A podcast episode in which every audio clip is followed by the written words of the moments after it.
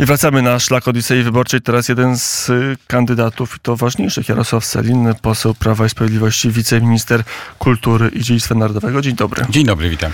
No, ale zanim o polskiej kampanii wyborczej, pan poseł, pan minister związany w sensie intelektualnym, ale też zajmowania się kulturą z Bliskim Wschodem, bo jednak tam, na Bliskim Wschodzie, w Ziemi Świętej są korzenie naszej cywilizacji, jakby na to nie patrzeć, a tam po raz kolejny leje się krew. E, być może za chwilę dojdzie do inwazji wojsk Izraela na strefę gazy.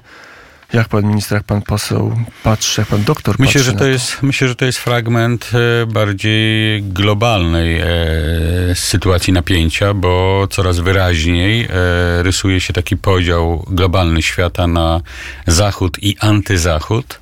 Antymantym zachodem są przede wszystkim Rosja, Iran, tutaj kluczowy w tej sprawie, ale też Chiny i Korea Północna i kraje, które lgną albo le, mocniej lub lżej się przyklejają do tego e, sojuszu antyzachodniego, chcąc po prostu e, Zachód jako całość z piedestału e, jakby pierwszego czy najlepiej organizującego porządek światowy z struktury z, z, z, zbić. I e, i można się zastanawiać nad tym, dlaczego akurat teraz, dlaczego teraz Hamas e, tą wojnę wszczął przeciwko Izraelowi.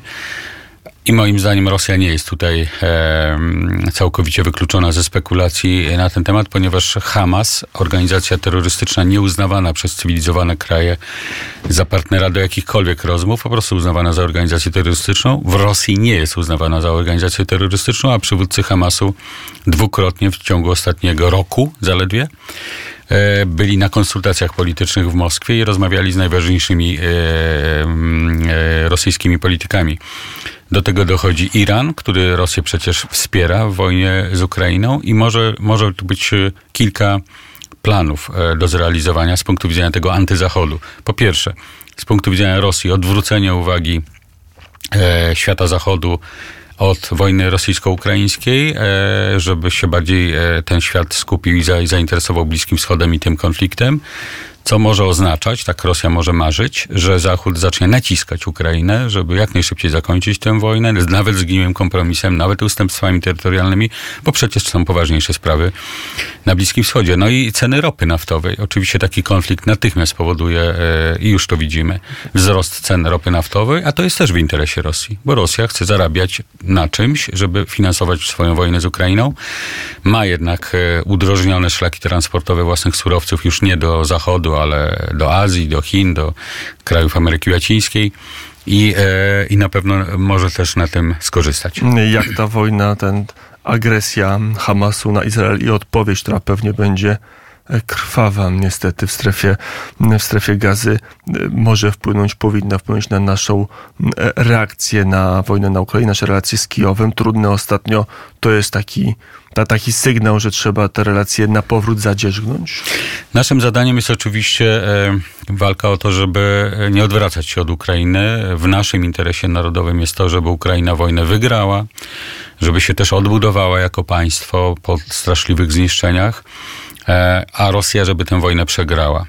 Jeżeli Zachód zacznie się powoli od tematu ukraińskiego odwracać, to my musimy bardzo ambitnie przypominać, że to jest czołowy problem dzisiaj dla Europy, dla e, flanki wschodniej NATO, dla granicy od wschodu Unii Europejskiej itd., tak itd., tak że tego, tego nie możemy zostawić. E, nawet jeśli Bliski Wschód zaczyna być ważniejszy.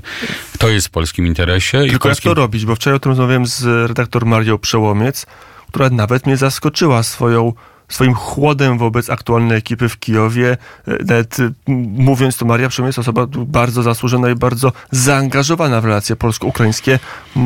Powiedziała transakcyjność. Znaczy w tej chwili coś za coś. My wiemy, czego chcemy. Ukraińscy politycy podlegają różnym wahaniom, wynikającym i z pewnej tradycji politycznej, którą reprezentują, i, z, e, i może ze słabego rozeznania, co jest w ich interesie, a co nie w, na arenie międzynarodowej. Jeżeli chcą stawiać się na Niemcy, to się bardzo, bardzo zawiodą. Niemcy, e, e, jeżeli się już sytuacja uspokoi, dojdzie do jakiegoś kompromisu, dojdzie, dojdzie do jakiegoś pokoju, znowu będą stopniowo próbowali odnowić swoje relacje z Rosją i e, na pewno nie będą traktowali Ukrainę jako pierwszoplanowego partnera w Europie Wschodniej. Tylko tradycyjnie Rosję będą tak traktować. I jeśli Ukraińcy tego nie zrozumieją, to, e, to sami e, sobie strzelą w kolano i popełnią po prostu błąd. Żeby również na historię warto spojrzeć. Żeby naprawdę być bezpiecznym i od wschodu, i od zachodu, to trzeba być razem. Polska powinna być razem z Ukrainą, jak najbliżej. E, kiedy byliśmy razem, to przez kilkaset lat e, Moskwa niewiele miała do powiedzenia w regionie, w regionie Europy Środkowo-Wschodniej, a ma wyłącznie tradycję polityki imperialnej i z tej tradycji nigdy nie zrezygnuje. To sobie też powiedzmy jasno. Innej tradycji nie ma. To ładnie brzmi, ale chyba y, nie jest zrozumiane albo przyjmowane w Kijowie. Tego nie jestem tak na 100% pewien, bo mamy e, wyrazisty konflikt interesów w sprawie produkcji żywności. I on jest realnym konfliktem i on będzie, nawet jeżeli już nie będzie wojny. Jak chcemy, żeby Ukraina była w Unii Europejskiej i w NATO, to jest w naszym interesie narodowym, ale wewnątrz e, Unii Europejskiej będzie silne napięcie między interesami żywnościowymi, czy e, produkcji żywności Ukrainy, Polski czy Francji chociażby. Póki co największym strażnikiem wspólnej polityki rolnej na przykład w Unii Europejskiej jest Francja i Polska, bo jesteśmy najsilniejszymi producentami żywności e, w Unii Europejskiej. Ale Ukraina, jak będzie w Unii Europejskiej, będzie trzecim takim wielkim państwem e, produkującym żywność. I tu trzeba te relacje ułożyć. Wyraźnie sobie albo w, albo w, w, w traktacie wprowadzającym Ukrainę do Unii Europejskiej, albo w traktacie dwustronnym wyraźnie opisać granice, że ukraińska żywność nie może zalewać rynków europejskich, a zwłaszcza rynku Polski. E, I musi sobie z innych rynków zbyt tu szukać. I w tym możemy dopomóc. Tranzyt, proszę bardzo, do tradycyjnych miejsc, które zawsze mieliście. Azja, Afryka, Ameryka Łacińska, ale na pewno nie rynek polski. Tu jesteśmy w konflikcie interesów i musimy sobie jasno mówić, że on będzie stały. Bo przecież e, Ukraina będzie potęgą żywnościową i my jesteśmy potęgą Jasne, żywnościową. To, to będzie stały konflikt, ale jest pytanie, on będzie bazna, znacznie silniejszy, jeżeli Ukraina wejdzie do Unii Europejskiej. Do tej pory Polska była promotorem, adwokatem. E, teraz Kijów zwrócił się nie po raz pierwszy zresztą do Berlina, a Berlin mówi oczywiście, ale w zamian za zmianę traktatów. Połapka na Polskę, teraz Polska musi się zgodzić albo na jedno, albo na drugie. Muszą się Ukraińcy też wielu rzeczy nauczyć, politycy ukraińscy po prostu, że jeżeli walczą dzisiaj o niepodległość, o suwerenność, krwawią w tej walce, są dzielni w tej walce, uratowali tę niepodległość, zaczynali nawet wygrywać i nadal wygrywają, bo przecież jest kontrofensywa powolna, ale jest i wygrana bitwa o Kijów, wygrana bitwa o Charków no to niech sobie zadadzą też pytania, czy chcą, żeby po obronie niepodległości utracić dużą część tej niepodległości i suwerenności e, w strukturze, o której marzą, czyli w Unii Europejskiej, czy też nie. To Niemcy i Francja e, forsują e, rezygnację z prawa weta w Unii Europejskiej. E, bo wiedzą, że jeśli tego weta nie będzie, to oni będą całej Europie narzucać politykę uzgodnioną między tymi dwiema stolicami wraz z biurokracją brukselską i to będzie istotne ograniczenie suwerenności. My się na to nigdy nie zgodzimy. Ukraińcy, Ale mam nadzieję, chyba się zgodził. E, nie jestem pewien. E, w sprawie weta się nie wypowiedział, tylko się wypowiedział w sprawie miejsca dla Niemiec w Radzie Bezpieczeństwa ONZ.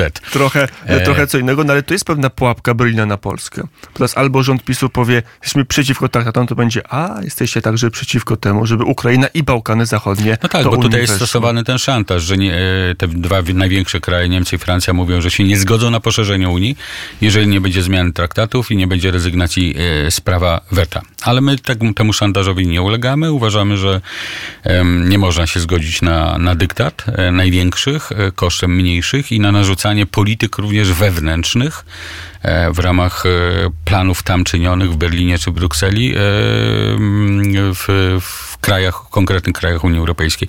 My się na to nie zgodzimy. Ukraińcy prawdopodobnie muszą to zrozumieć i do tego dojrzeć, żeby wiedzieć, że to jest dla nich też bardzo ryzykowne. Jarosław Selin odpowiadał na pytania, które ja zadałem, a które nie pojawiły się na wczorajszej debacie w telewizji publicznej. Może nawet celowo nam tak wyszło, żeby o wojnę na Bliskim Wschodzie, na Ukrainie, o centralizację Unii Europejskiej zapytać. Chciałoby się takie pytania w ramach debaty usłyszeć i odpowiedzieć na nie przede wszystkim. Samą debatę, jak pan minister ocenia? Taka debata, gdzie e, można odpowiadać tylko przez minutę na bardzo poważne kwestie, ona ma raczej charakter wizerunkowy. To nie jest debata merytoryczna, tylko wizerunkowa. Kto spokojniej, kto z dobrą mową ciała, e, z dobrą prezencją e, wystąpi E, a jeśli już e, wsłuchać się w odpowiedzi na pytania, no to kto potrafi e, w miarę syntetyzować główną myśl w danej sprawie i pokazywać różnice między sobą a głównym oponentem w danej sprawie. A to może dało się to być lepszą debatę. Jednak no, było, nie było, rząd ma pewien wpływ na telewizję publiczną. No tak, tylko, tak, że, tylko że w sytuacji, ja też telewizję rozumiem, bo w sytuacji, kiedy jest sześć komitetów e, e, i wszystkich trzeba zaprosić i w gruncie rzeczy była sytuacja pięciu na jednego, E, bo tak logika takiej debaty wtedy wygląda, bo wiadomo, że jest tylko jeden rządzący, a pięciu jest w opozycji i to było widać, że każdy uszczypliwie mocniej lub bardziej atakował premiera Morawieckiego, a on miał tylko tyle samo czasu, co inni. E, no to, to w takiej sytuacji ta debata nie może być zbyt długa, bo byłaby nie do wytrzymania, również dla oglądających. No, gdyby pytania były krótsze, to by się więcej czasu na odpowiedź znalazło. No pytania były rzeczywiście rozbudowane, ale, ale odnosiły się do ważnych kwestii, do ważnych kwestii, które moim zdaniem, bo mam też kampanię swoją wyborczą, jeżdżę, spotykam się z ludźmi, jest tych spotkań dużo i, i rzeczywiście te kwestie, które zostały w pytaniach przygotowanych przez telewizję publiczną e, e, przygotowane, te kwestie są głównymi tematami rozmów z wyborcami. Jasne, tematy były istotne, to bez dwóch zdań, chociaż e, sprawy europejskie, sprawy wojny na Ukrainie jakby zabrakło, to też są ważne kwestie i powinny się pojawić. Ale kwestia bezpieczeństwa była podniesiona, tak jest, również w, w, w tym kontekście właśnie tego, tej różnicy między nami, którzy chcemy bronić każdej pięści polskiej ziemi i wzmacniać polską armię, odbudowywać garnizony i liczebność polskiej armii, a naszymi poprzednikami można bilansować. Ci mieli 8 lat i my mamy 8 lat. To prawda. E, którzy zwijali polską armię, ograniczali ją do wielkiego stadionu piłkarskiego, jeśli chodzi o liczebność, e, wycofywali garnizony ze wschodu i mieli w dodatku podpisaną doktrynę, że nie, nie bronimy każdej pięci polskiej ziemi, tylko się wycofujemy na linię Wisły, oddając ewentualnemu Pan... agresorowi ze wschodu połowy terytorium Polski. Minister ma to doświadczenie dziennikarskie. Zadałby pan te pytania właśnie w ten sposób, jak prowadzący, jak pan Bogusiewicz? Ale ono, nie, ale ono tak? było zadane, jeśli chodzi o tę część, ten komponent do, dotyczący bezpieczeństwa. I do tego e, się też premier Morawiecki odniósł, pokazując tę róż, to, różnicę. To pytanie były z tezą, przynajmniej ja odniosłem takie wrażenie. No dobrze, no ale to już nie będziemy oceniać dziennikarzy, to politykowi nie wypada, żeby dziennikarz polityka o, o, o opinię dziennikarzy pytał. Jarosław Selin, naszym gościem. Kampania wyborcza ostatnie kilka dni znaczenie tych kilku dni? Wszystko jest zdecydowane i tylko trzeba utwarzać elektoraty, czy jeszcze PiS coś pokaże nowego? Politologicznie to oceniając, bo zaraz powiem, co ro, robię jako polityk, e, to uważam, że rzeczywiście niezdecydowanych jest już niewielu. To jest kilka procent moim zdaniem. Natomiast kluczowe jest zmobilizowanie właśnie elektoratów, które już są zdecydowane, żeby poszli na wybory, żeby, e, prze, żeby przeważyli frekwencją z innymi e, komitetami wyborczymi, innymi partiami. I o to teraz zabiegamy, również pokazując, jaka jest alternatywa naszym wyborcom. Tak, jeżeli nie my, to co nam grozi? A grozi nam, naprawdę grożą nam poważne sprawy. To, co mówiliśmy, rezygnacja z weta w Unii Europejskiej, moim zdaniem, e, gdyby nasi oponenci, zwłaszcza Tusk i Platforma doszli do władzy, to zrezygnują z tego prawa weta. Pod wpływem Niemiec po prostu z tego zrezygnują. W, przyjmą pakt migracyjny, bo tutaj jest strasznie dużo hipokryzji. W kraju mówią, że pytanie referendalne bez sensu, bo wszyscy się zgadzamy, ale w Parlamencie Europejskim wszystkie te siły polityczne, i Platforma, i PSL, i Lewica, i liberałowie, którą reprezentuje Róża Tun w imieniu Trzeciej Drogi, czyli PSL-u i Hołowni, mówią zupełnie co innego. Przepychają ten pakt i uważają, że, że on jest dobry, że powinien iść do przodu, powinien być przyjęty.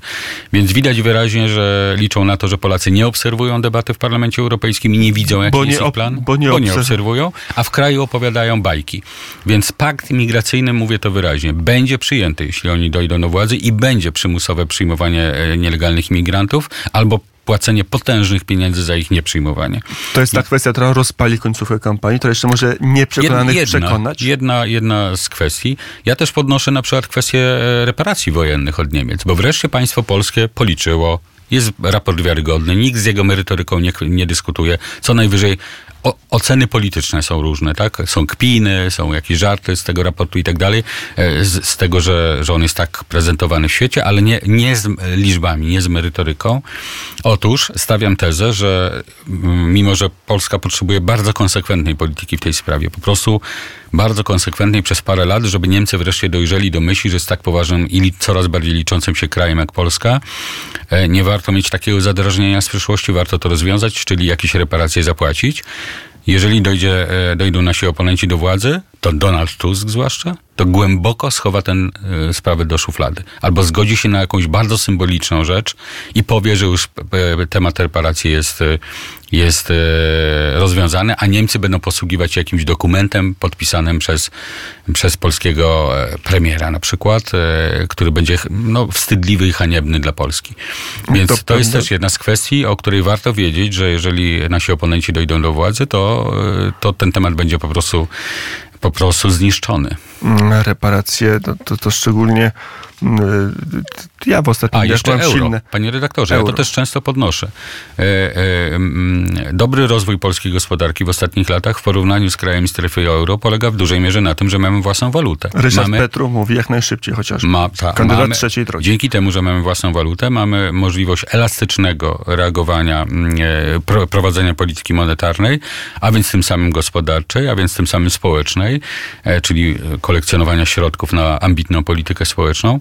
Jeśli e, byśmy weszli szybko do euro, a podejrzewam, że pod wpływem eksperckich sił, które te siły e, polityczne jak Platforma czy, czy Hołownia właśnie, czy nawet Lewica też e, mają, e, będzie szybsze wprowadzenie Polski do euro, moim zdaniem nawet bardzo szybkie. I to jest też wielkie zagrożenie suwerennościowe również dla Polski, dlatego że wtedy naszą politykę monetarną będzie prowadził Europejski Bank Centralny we Frankfurcie, w stanie Hes w landzie Hesja, a Szkoda, nie w Warszawie. Szkoda, że to pytanie nie pada w referendum, też byłoby ciekawe i na pewno przysporzyłoby pewnego gatunku ciężkości temu referendum, czy szybko przyjąć euro, czy jednak z tym poczekać. O tych reparacjach mówiłem, bo ostatnio rozmawiałem z dyrektorem Biblioteki Narodowej, mm, doktorem Tomaszem Makowskim, który już opowiadał historię zniszczenia zbiorów i porażającą historię, porażającą skalę e, strat. Taka historia cały czas codziennie obecna w polskiej kulturze masowej.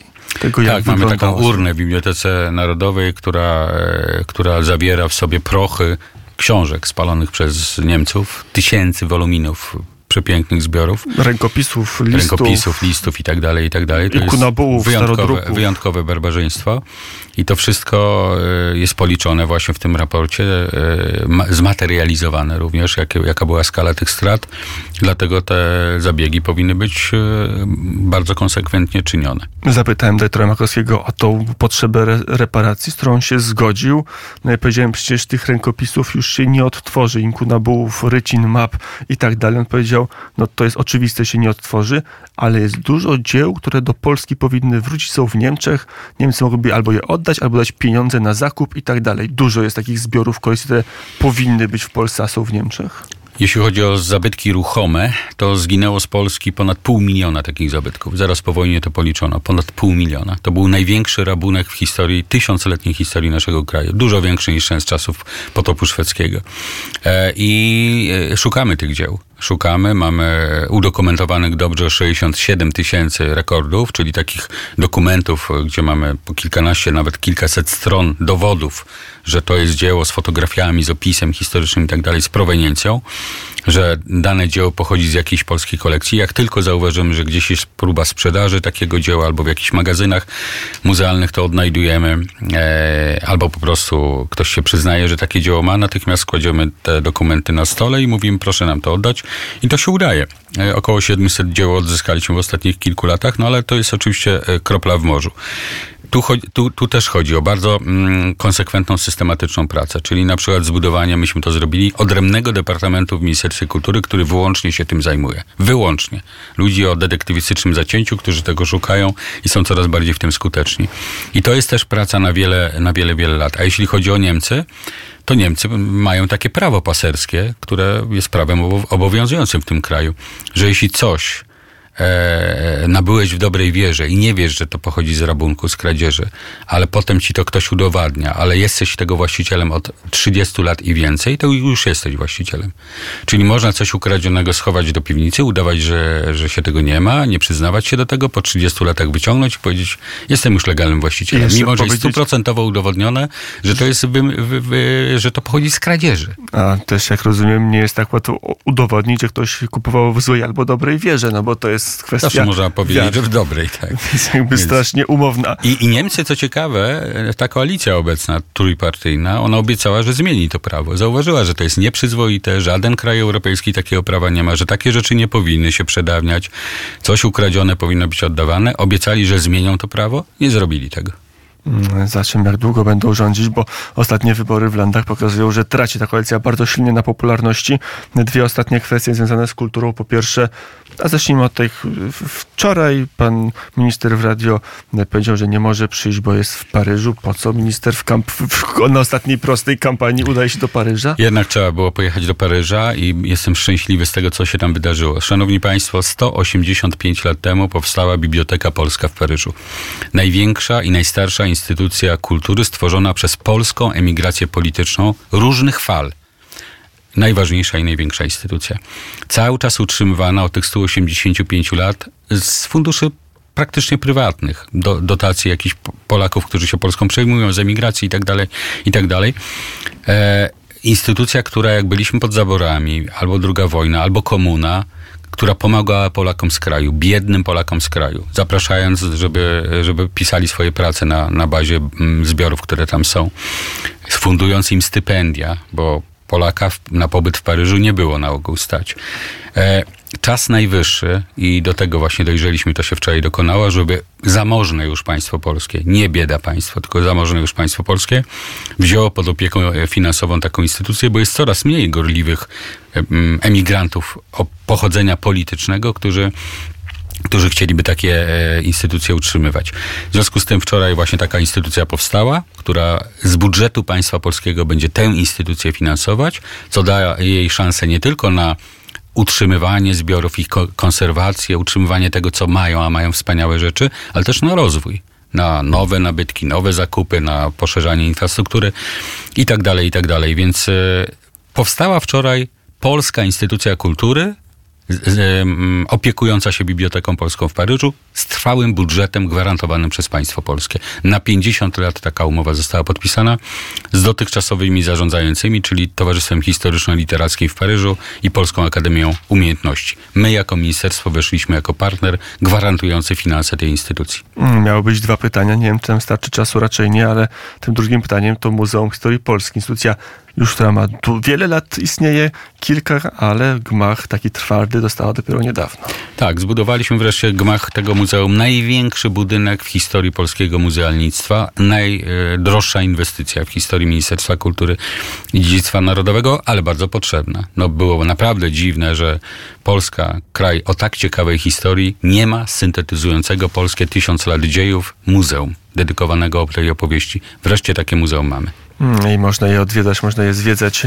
E, To już większą część tej opowieści nie w pytaniu, nie w odpowiedzi pana ministra, tylko zapraszamy osobiście do gmachu muzeum. Naszym gościem był Jarosław Selin, poseł Prawa Sprawiedliwości, kandydat na posła, wiceminister kultury.